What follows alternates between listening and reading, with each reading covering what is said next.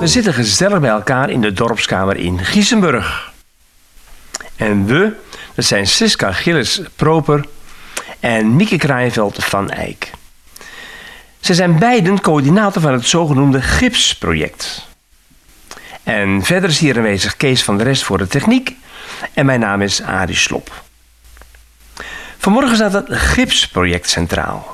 Maar laten we eens beginnen met de vraag, en ik stel hem aan Siska. Wat is gips? Nou, gips uh, is een uh, afkorting eigenlijk. Uh, de, de, letters van gips die staan voor gehandicapten, informatie, project, scholen. Is dit een landelijk project? Is dit een lokaal project? Hoe moeten we het, dat zien? Het is een project wat wel op heel veel plaatsen in het hele land gegeven wordt door vrijwilligers. Alleen door vrijwilligers? Ja. En hier in de regio, is dan, dan Gips het enige project hier of zijn er meer? Uh, deze regio is Gips het enige project. Gips het enige project ja. hiervoor, uh, ja, akkoord. En um, is het nou zo dat jullie alleen voor molenlanden zijn? Of, of komen jullie ook buiten molenlanden? Hoe zie ik dat? Uh, zelf woon ik in Lexmond en ik ben ooit betrokken geraakt bij het gips. Ehm, toen bestond het gips, werd gegeven door het gehandicaptenplatform Zetje. En gips werd gegeven in de gemeente Zederik en de gemeente Grieselanden. Ja. En dat doe ik dus nog steeds. Ik ben coördinator van gips in Zederik en Grieselanden. Ja. Betekent dat dat Zetje ook nog actief is in Zederik of gemeente Vijfveerlanden of dat niet meer? Nee, Zetje is nu doorgegaan in de gemeente Molenlanden. Als Ja. gehandicaptenplatform. Precies. Dus jullie vallen onder de paraplu van Zetje. Daar komt het in feite op neer. Gedeeltelijk, want Ja. Zederik valt onder het gehandicaptenplatform in Vijfveerlanden. Mieke, waar lag het initiatief? Wie is ermee begonnen? Nou, dan moeten we teruggaan naar 2003. Toen was landelijk, dat was het jaar van de gehandicapten. Dus toen had de gemeente geld gekregen voor een activiteit om de integratie tussen gehandicapten en niet-gehandicapten te bevorderen. In die tijd zat ik in Zetje en toen hadden wij bedacht dat wie de jeugd heeft, heeft de toekomst. Dus wij dachten, we gaan een project starten voor basisschoolleerlingen. Nou, toen hebben we op internet zitten surfen en toen kwam, Zetje, toen kwam het gips bovendrijven. Dus toen zijn we begonnen in de gemeente Gieselanden. En de gemeente Zedruk, die hoorde er toen nog bij, en Graafstroom. Want daar was Zetje adviesorgaan voor. Toen is in, denk 2006, is Molenwaard gekomen. Toen is Graafstroom eraf gevallen. Want toen, dat was een fusie tussen Graafstroom, eh, Nieuw-Lekkerland en Streefkerk. En die hadden een eigen adviesorgaan voor het gehandicaptenbeleid. Dus Zetje was daar weg. Dus toen hadden we alleen Zederik en Gieselanden. Weer later is Gieselanden molen, met Molenwaard gefuseerd tot Molenlanden. Dus nu zijn ze er weer bij. En nou, Siska die vertelde net dat uh, Vijfherenlanden verdwenen is, officieel, in de gemeentegrenzen. Dus nu zijn we bezig om uh, het gipsproject in uh, molen, heel molenlanden, want Zetje is nu adviesorgaan geworden voor heel molenlanden, om het gips uh, ook te doen in Streefkerk, Nieuw-Lekkerland en Graafstroom. Maar helaas, we waren begonnen, maar de corona heeft ons parten gespeeld. Hoe ging het tot aan, uh, tot aan de coronatijd? Ging het toen goed? Kreeg je voet aan de grond bij de scholen? Ja, maar om voet aan de grond te krijgen is mijn ervaring dat je wel een jaar of drie nodig hebt. Want onbekend maakt onbemind. En als je één keer binnen geweest bent, dan is, het, dan is het hek van de dam, dan is het geen probleem meer. Dus we zijn naar een paar scholen in Graafstroom geweest, want we zijn in Graafstroom begonnen om de draad weer op te pakken, omdat we daar oude wortels hadden. En we hadden een paar aanvragen uit de gemeente Streefkerk, maar dat hebben we niet meer kunnen doen. Want toen ging de zaak op slot. Is het een kwestie van contact te hebben, mensen kennen? Het is heel veel contacten leggen met scholen en heel veel uitleg geven. En uh, kwestie van een lange adem en heel veel geduld hebben. Want de scholen worden natuurlijk best vaak bestookt. Bestookt, het verkeerd woord, met uh, goede doelen die, die tijd en energie van hen willen hebben. En daar vallen wij natuurlijk ook eerst onder. Want ja, mensen moeten het wel ervaren. Maar als we één keer binnen geweest zijn, is er geen enkele school die ons niet meer wil hebben. Dus alle scholen doen altijd mee. Ja, kom ik zo nog even op terug. Nou zeg je dat je via Zetje je bij het gipsproject betrokken geraakt. Hoe kwam je bij Zetje?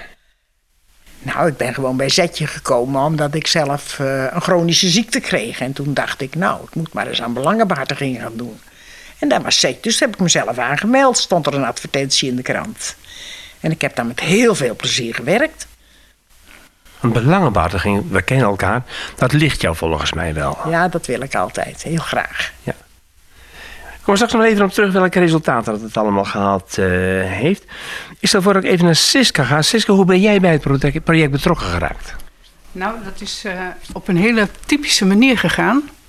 Ik uh, was met mijn hond bij de kinologenclub in Gorkum op hondenschool. En er was dus ook iemand uit Meerkerk, ook met haar hond.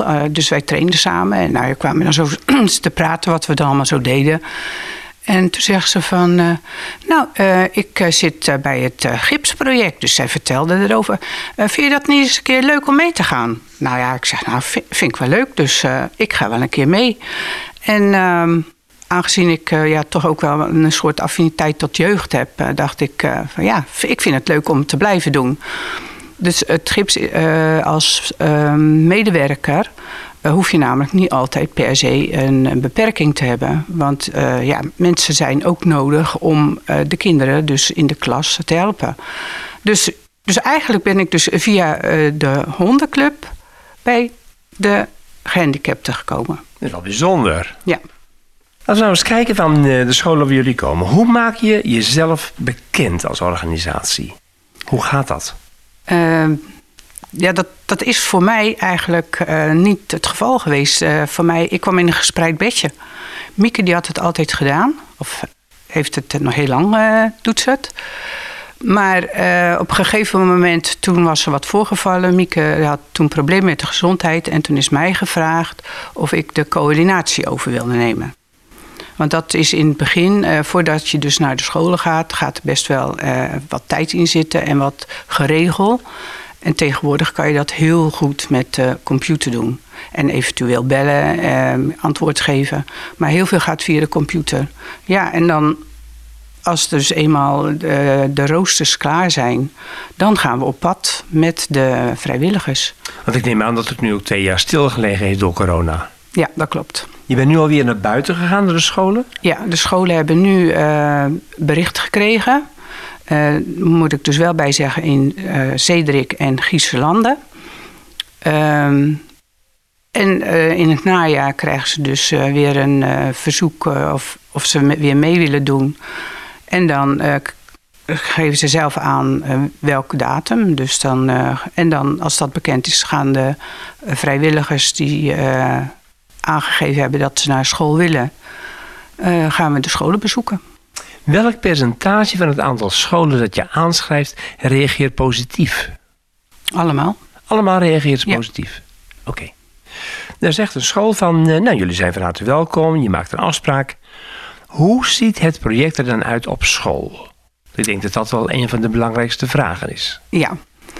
Uh, de school die krijgt korte informatie wat we gaan doen. Um, als we op school zijn, uh, hebben de leerlingen van de leerkracht krijgen ze een, uh, opdrachtenvel. Um, dat bestaat uit 40 opdrachten. En die opdrachten horen bij een spel, wat we dan met de kinderen gaan doen. Um, en die opdrachten die uh, beslaan uh, een stuk over uh, mensen met een gehoorbeperking. Mensen die beperkt zijn lichamelijk of visueel. En dat gaan de kinderen dan doen gedurende een uur. Wat dat doen ze bijvoorbeeld? Eh, wat ze heel erg leuk vinden, dat is altijd eh, de rolstoel. Uh, nou, er wordt dus uitleg gegeven hoe ze ermee uh, om moeten gaan met die rolstoel. Sowieso is het heel belangrijk op de rem zetten, erin gaan zitten. En dan, komen ze, en gaan ze een stukje rijden. En dan uh, meestal vragen we de school een, een groot lokaal. Of een, een overblijflokaal. In ieder geval ruimte genoeg dat we dus zoiets kunnen laten uitvoeren. En dan laten ze expres naar het toilet gaan bijvoorbeeld. En dan komen ze tegen dat ja, de deur kan niet open dus dan komen ze op die manier komen ze in aanraking met de problemen die je hebt als je in een rolstoel zit. Zo uh, is er ook een uh, onderdeel over blinden. Uh, moeten ze dus met een stok lopen, met een blinddoek voor. En dan merken ze al dat het heel moeilijk is. Je bent heel je oriëntatie kwijt. Als ze lopen, dan denken ze: Oh, ik ben bij de uitgang. Nee, dan zitten ze bij het raam bijvoorbeeld. En zo ervaren ze dus met de verschillende spelonderdelen uh, wat het is om een bepaalde beperking te hebben. En bij, de, uh, bij de opdrachten probeer ik zoveel mogelijk dus een medewerker te krijgen die dus ook die beperking heeft. En dan denken ze, oh ja, die man of die mevrouw, die leeft zo de hele dag. Dat valt dan ook niet mee. Maar ze weten ook waar ze op moeten letten als ze zoiets iemand tegenkomen. Ga niet in de weg staan bij iemand die met een stok loopt. Uh, uh, zet je fiets niet dwars op, uh, voetbal, op het voetpad, want dan kan iemand met een rolstoel niet langs, maar ook iemand met een kinderwagen kan er niet langs. En dat zijn dus allemaal dingen die ze dan door het spel heel goed ja, daar wordt dus heel goed van bewust hoe dat is om te leven met zo'n beperking. Heb je voldoende mensen met een beperking om mee te gaan naar de, de scholen? Tot nog toe wel, maar dat moet ik ook bij zeggen, het zijn hele enthousiaste mensen. Dus eh, ik, het is mij bijna altijd nog wel gelukt om zeg maar een groepje bij elkaar te krijgen uh, van mensen die dus een, die beperking hebben. Ja. Maar daar ben ik heel erg blij om. Ze doen dat spel met elkaar. En dan? Uh, dan gaan we met de kinderen naar de klas. En dan uh, is de bedoeling dat de kinderen van alles en nog wat mogen vragen aan de mensen die meegegaan zijn. Ja, en daar komen heel leuke vragen uit. En er wordt wel van tevoren gezegd: het kan ook zijn dat die mevrouw of die meneer geen antwoord wil geven. Maar dat moet je dan respecteren. Maar over het algemeen gaat het heel goed en de kinderen vragen echt hele leuke dingen. En er zijn ook nog beelden bij? Soms, uh, een enkele keer komt het voor dat uh, iemand met, die visueel beperkt is niet mee kan. Want heel veel mensen die werken ook uh, normaal. Um, en dan hebben we daar een dvd van en die kunnen we dan laten zien. En die dvd's die beslaan dan hoe het gaat in het dagelijks leven met die beperking die die persoon dan heeft. Ja, precies. Ja.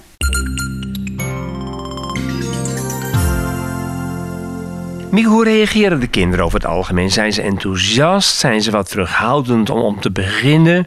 Vinden ze het vreemd? Ik denk dat ze meer dan enthousiast zijn in het algemeen. Uh, ze vragen eigenlijk van alles. Uh, ze hebben geen enkele gêne van uh, vragen naar een rolstoel of zo. Van, hoe ga jij nou toch naar de wc? Nou, zegt hij dan gewoon, ik, uh, ik heb een condoom. Oh, weten jullie wat dat is? Ja, dat weet hij wel. Dat weten ze wel. En als je dan moet poepen, zeggen ze dan. Haal maar aan. Nou, dan moet ik gauw naar huis, zegt hij. en uh, hoe, hoe trek jij je kleren aan aan iemand die visueel beperkt is?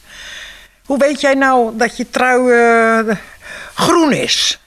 Dan herinner ik me nog dat een blinde medewerker toen vertelde van... Uh, ik, ik heb gehoord dat gras groen is.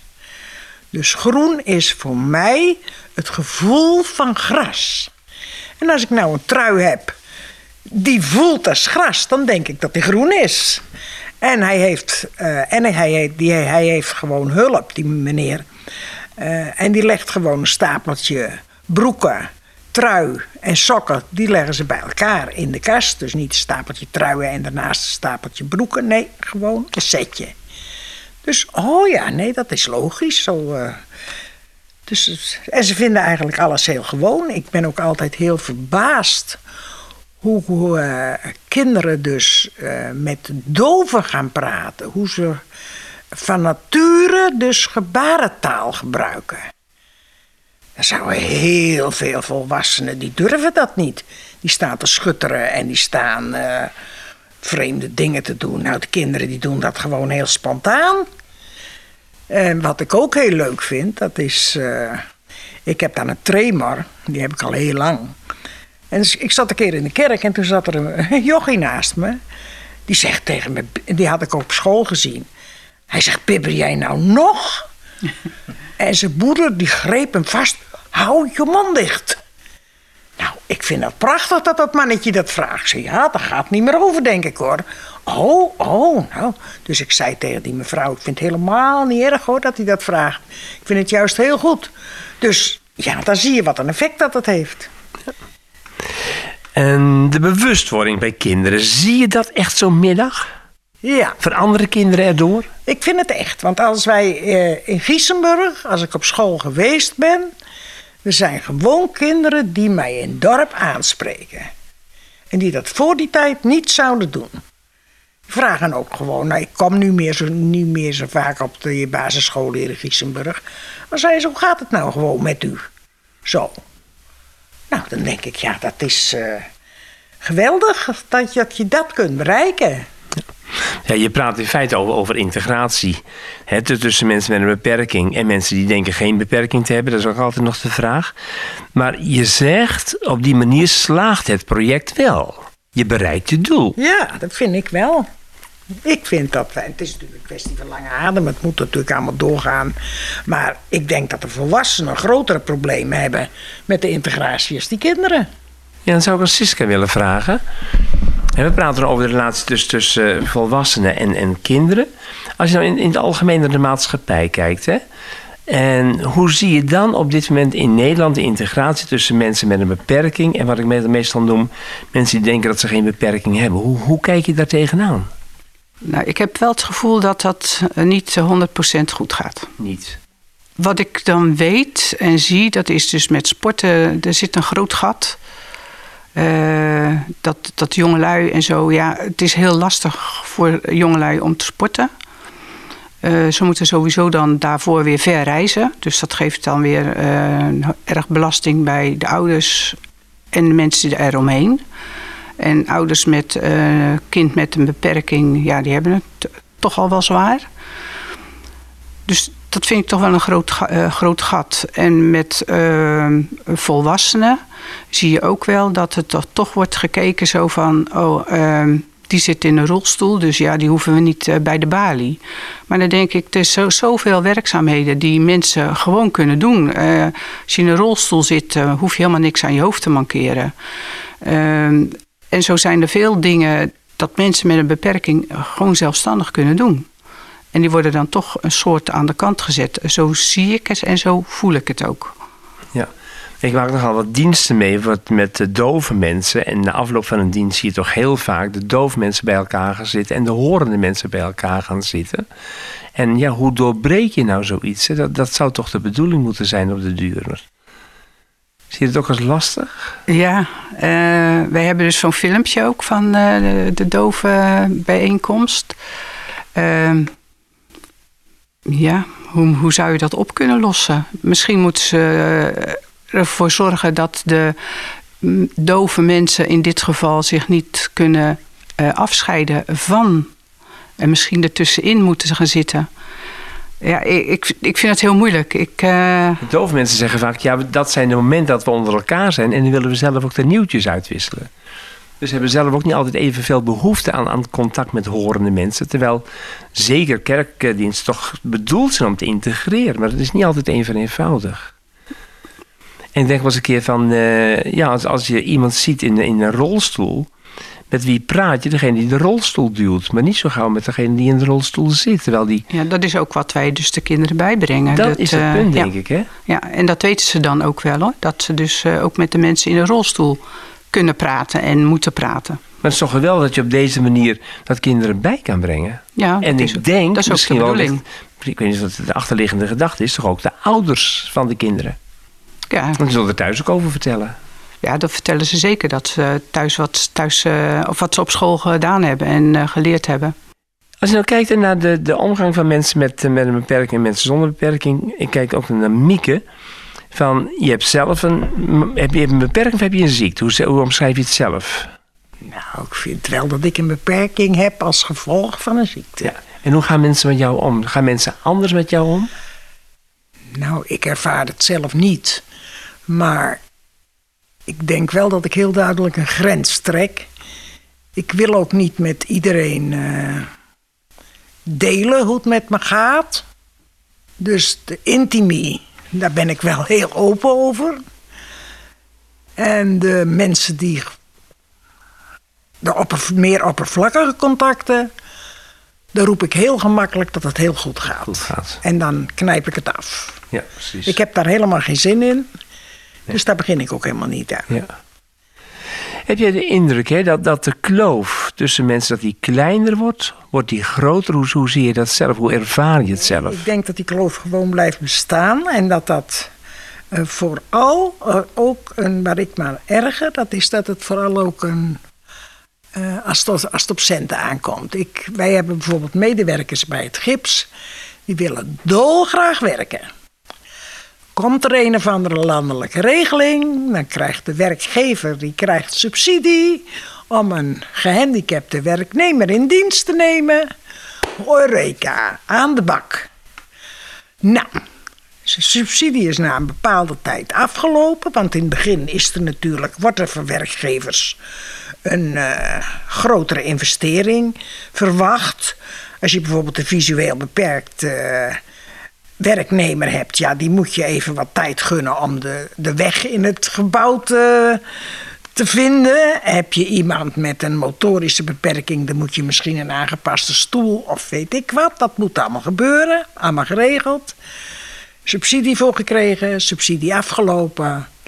Ja, en dan is het einde verhaal, arbeid, einde arbeidscontract. Nou, dat vind ik. Dus we beleiden met de mond dat we heel erg voor integratie zijn. Maar zodra het ons eigen portemonnee gaat kosten, dan is het ineens ver weg. Er zou best nog veel moeten gebeuren op dat dus terrein in ieder geval. Ik denk dat dat uh, een eeuwigdurende strijd wordt. Ja. Met alle minderheidsgroepen. Ja, Niet alleen met mensen met een beperking, alle minderheidsgroepen. Dan praten we over het gipsproject hè, als een, een, een, een mogelijkheid om, om kinderen op lagere scholen, basisscholen te benaderen. Is er wel eens over gedacht om dat op middelbare scholen te doen? Daar hebben wij nooit over gedacht, want wij hebben onze handen vol aan de basisscholen. En in de beperking kent men de meester. Betekent dat hè, dat wanneer jullie over meer mensen zouden kunnen beschikken die mee zouden willen helpen, het wel een idee zou zijn om het op een middelbare school te doen? Ja, ik denk dat ons programma daar niet voor geschikt is. Dan heb je natuurlijk, kijk, pubers op een middelbare school, die hebben een heel andere belangstelling dan uh, kinderen in uh, groep uh, 6, 7, 8. Het bestaat ook niet in Nederland voor middelbare scholen. Dat weet ik niet. Weet ik niet. Gipsproject richt zich landelijk vooral op basisschoolleerlingen. Ja, ja, ja, ja, ja. En ik denk, ja, als ze dat meenemen en als ze daar in het begin als ze daar een beetje in, in begeleid worden. Ze komen, kijk, gehandicapte mensen die komen natuurlijk wel meer in de samenleving. Dus ze ontmoeten ze wel vaker dan een aantal jaren, dan tien enkele decennia geleden. Dus wat dat betreft denk ik, zouden ze het gewoon mee kunnen nemen. Dat het een beetje gewoon wordt. Ja, jullie zitten, jullie zitten dan op de basisschool, maar in feite geldt nog steeds het gezegd: de jong geleerd is oud gedaan. Wat dat Ja, betreft, ik kan er niet jong genoeg eh, mee beginnen. Want als je nou kijkt naar die, die scholen waar jullie komen, in welke groepen bereik je dan in hoofdzaak? Groep 6, 7 en 8. Daar richten we ons op. Bewust. Daar richten we ons op. Ja. Zijn de kinderen in de klasse daaronder nog niet vatbaar hiervoor, denken jullie? Nou, ik denk dat ze, nee, ik denk dat ze qua ontwikkeling dus daar het beste aan toe zijn. En je moet je natuurlijk in je programma qua taalgebruik en qua niveau van de opdrachten moet je je ook beperken. Je kunt nooit een opdracht bedenken die voor een 6 en een 12-jarige interessant is. Dat valt lang niet altijd mee. Want we hebben er bijvoorbeeld in dat gips hebben we naast praktische opdrachten, hebben we ook opdrachten waar de leerlingen in het spel over na moeten denken. Bijvoorbeeld, eh, het is winter, jij gaat de molentocht schaatsen en je hebt iemand eh, in de klas die heeft astma, die kan niet zo ver schaatsen en hij vraagt of hij toch met jullie mee mag. Wat doen jullie? Nou, daar zal een zesjarige heel anders op reageren dan iemand die tien of twaalf jaar is. Jij- noemt nou dat voorbeeld, Mieke, maar het hele spel, is dat door jullie zelf bedacht of is daar een landelijk format voor? Het is een bestaand spel, alleen hebben wij het aangepast aan onze specifieke wensen. En dat is gelukt. Ja, Dat dat is gelukt. is gewoon gelukt. Nou heb ik begrepen, ook van jouzelf, toen nog zei in een telefoongesprek van je zou overwegen om te stoppen. En we horen nu vanmorgen dat je inderdaad definitief stopt. Is dat een lastige beslissing voor je geweest? Eh, nee, ik ben er wel naartoe gegroeid. Eh te meer daar ik eh, de coördinatie in West opgepakt had als soort noodmaatregel. Met de intentie daar een beperkte duur aan te geven en dat, het schipsproject daar alleen op poten te zetten. Nou, door de corona is dat niet gelukt. En nu vind ik niet dat ik eh, opnieuw moet beginnen, dus het is goed. Het is goed zo. Het is goed. Het is goed zo. Als je nou terugkijkt naar eh, de tijd dat je hiermee actief geweest bent, toch heel wat jaren. Hoe kijk je erop terug? Met fantastisch goed gevoel. Er zijn zulke bijzondere dingen gebeurd. Mag ik één voorbeeld noemen? Eh, dus dat vergeet ik nooit. Eh, eh, wij waren op school. En er was ook een rolstoel erbij. En de leerkracht die had ons gewaarschuwd. let een beetje op Jantje, ik noem hem maar Jantje. Want die zijn vader die is pas overleden. En hij kan er niet over praten. Nou, ik had de leiding en we waren met spel bezig. En ik zag dat die, die jongen niet meedeed. En die ging maar naar die medewerker met die rolstoel. En die ging staan te praten. En ik denk, nou laat maar gaan. Dat is belangrijker dan dat spel. En toen vertelde die leraar later, en ik heb het ook van die eh, medewerker in die rolstoel gehoord. Voor het eerst van zijn leven had die jongen gepraat over zijn vader. Die had verteld, mijn vader had ook een rolstoel en die zette ik voor hem in de schuur. En nou, afijn. Dus dat vond ik heel bijzonder. Mooi. En wat, ja, die, die was ook helemaal in het begin. En toen was er een meisje op school en eh, ja, die zou in een rolstoel terechtkomen. En toen kregen wij een discussie met eh, Henk van Vondel. Dat was de voorzitter van Zetje, de oude voorzitter van Zetje. En dat was ook een rolstoeler. En eh, dus Henk die zei, hoe vind je dat? Nou, zegt ze, dat vind ik eigenlijk niet zo fijn hoor. Eh, en waarom vind je dat dan niet zo fijn, zei Henk? Want ik zit er toch ook in. En eh, ja, zegt ze, maar dan kijken alle mensen zo naar je. Toen zegt Henk, oh, maar ik zit al mijn hele leven in een rolstoel. En daar wen je aan hoor. En weet je wat je dan moet doen? Dat, als ik denk, wat kijken ze toch weer naar me? Dan ga ik een hele mooie blouse kopen. En die trek ik dan aan. En dan denk ik, ze kijken vast naar die blouse van mij. Oh, zei dat meisje. En dat kind was ook helemaal opgelucht. Nou, dat zijn zulke dingen, Ja. daar doe je het voor, hè? Heel mooi, heel mooi. Nou, een, vraag. Kunnen jullie nog vrijwilligers gebruiken voor het nieuwe schooljaar? Eh, vrijwilligers kunnen we goed gebruiken. Nog nieuwe erbij. Eh, want de groep die we nu hebben, die zijn hartstikke enthousiast. Maar ja, zoals bij iedereen, iedereen wordt een jaartje ouder. Dus op een gegeven moment zullen er toch mensen, dus ja, toch afhaken. Dus ja, eh, nieuwe mensen die kunnen zich ja, aanmelden, een keertje meekijken. Eh, en dan kunnen ze bij mij terecht. Ja, want waar kunnen ze zich melden? Want jouw telefoon staat rood gloeiend straks. Waar kunnen ze naartoe bellen? Eh, ze kunnen kijken op de site van Zetje. Ja. Daar staat eh, onder het kopje van gips staat zowel Mieke de naam, maar die zal er dan nu denk ik afgehaald worden. En mijn naam staat daarbij. En als het goed is, staat ook mijn telefoonnummer erbij. Dus dat is misschien iets handiger dan eh, op deze manier gelijk te bellen. Ik hoop van ganse harte dat het lukt in ieder geval om de vrijwilligers bij te krijgen. Uit eigen ervaring zeg ik, het is fantastisch om te doen. Ik kan niet anders zeggen. Mag ik jullie, Siska en Mieke, ontzettend bedanken voor dit gesprek. Jullie komst naar de studio hier in de dorpskamer in Giesenburg. Mieke alvast danken voor al datgene wat je in het gipsproject hebt gedaan. En Siska ontzettend veel succes wensen met het project in het nieuwe schooljaar. Dankjewel. Ik zou zeggen, dank jullie wel uit de grond van mijn hart en een goed weekend voor iedereen. Klokradio.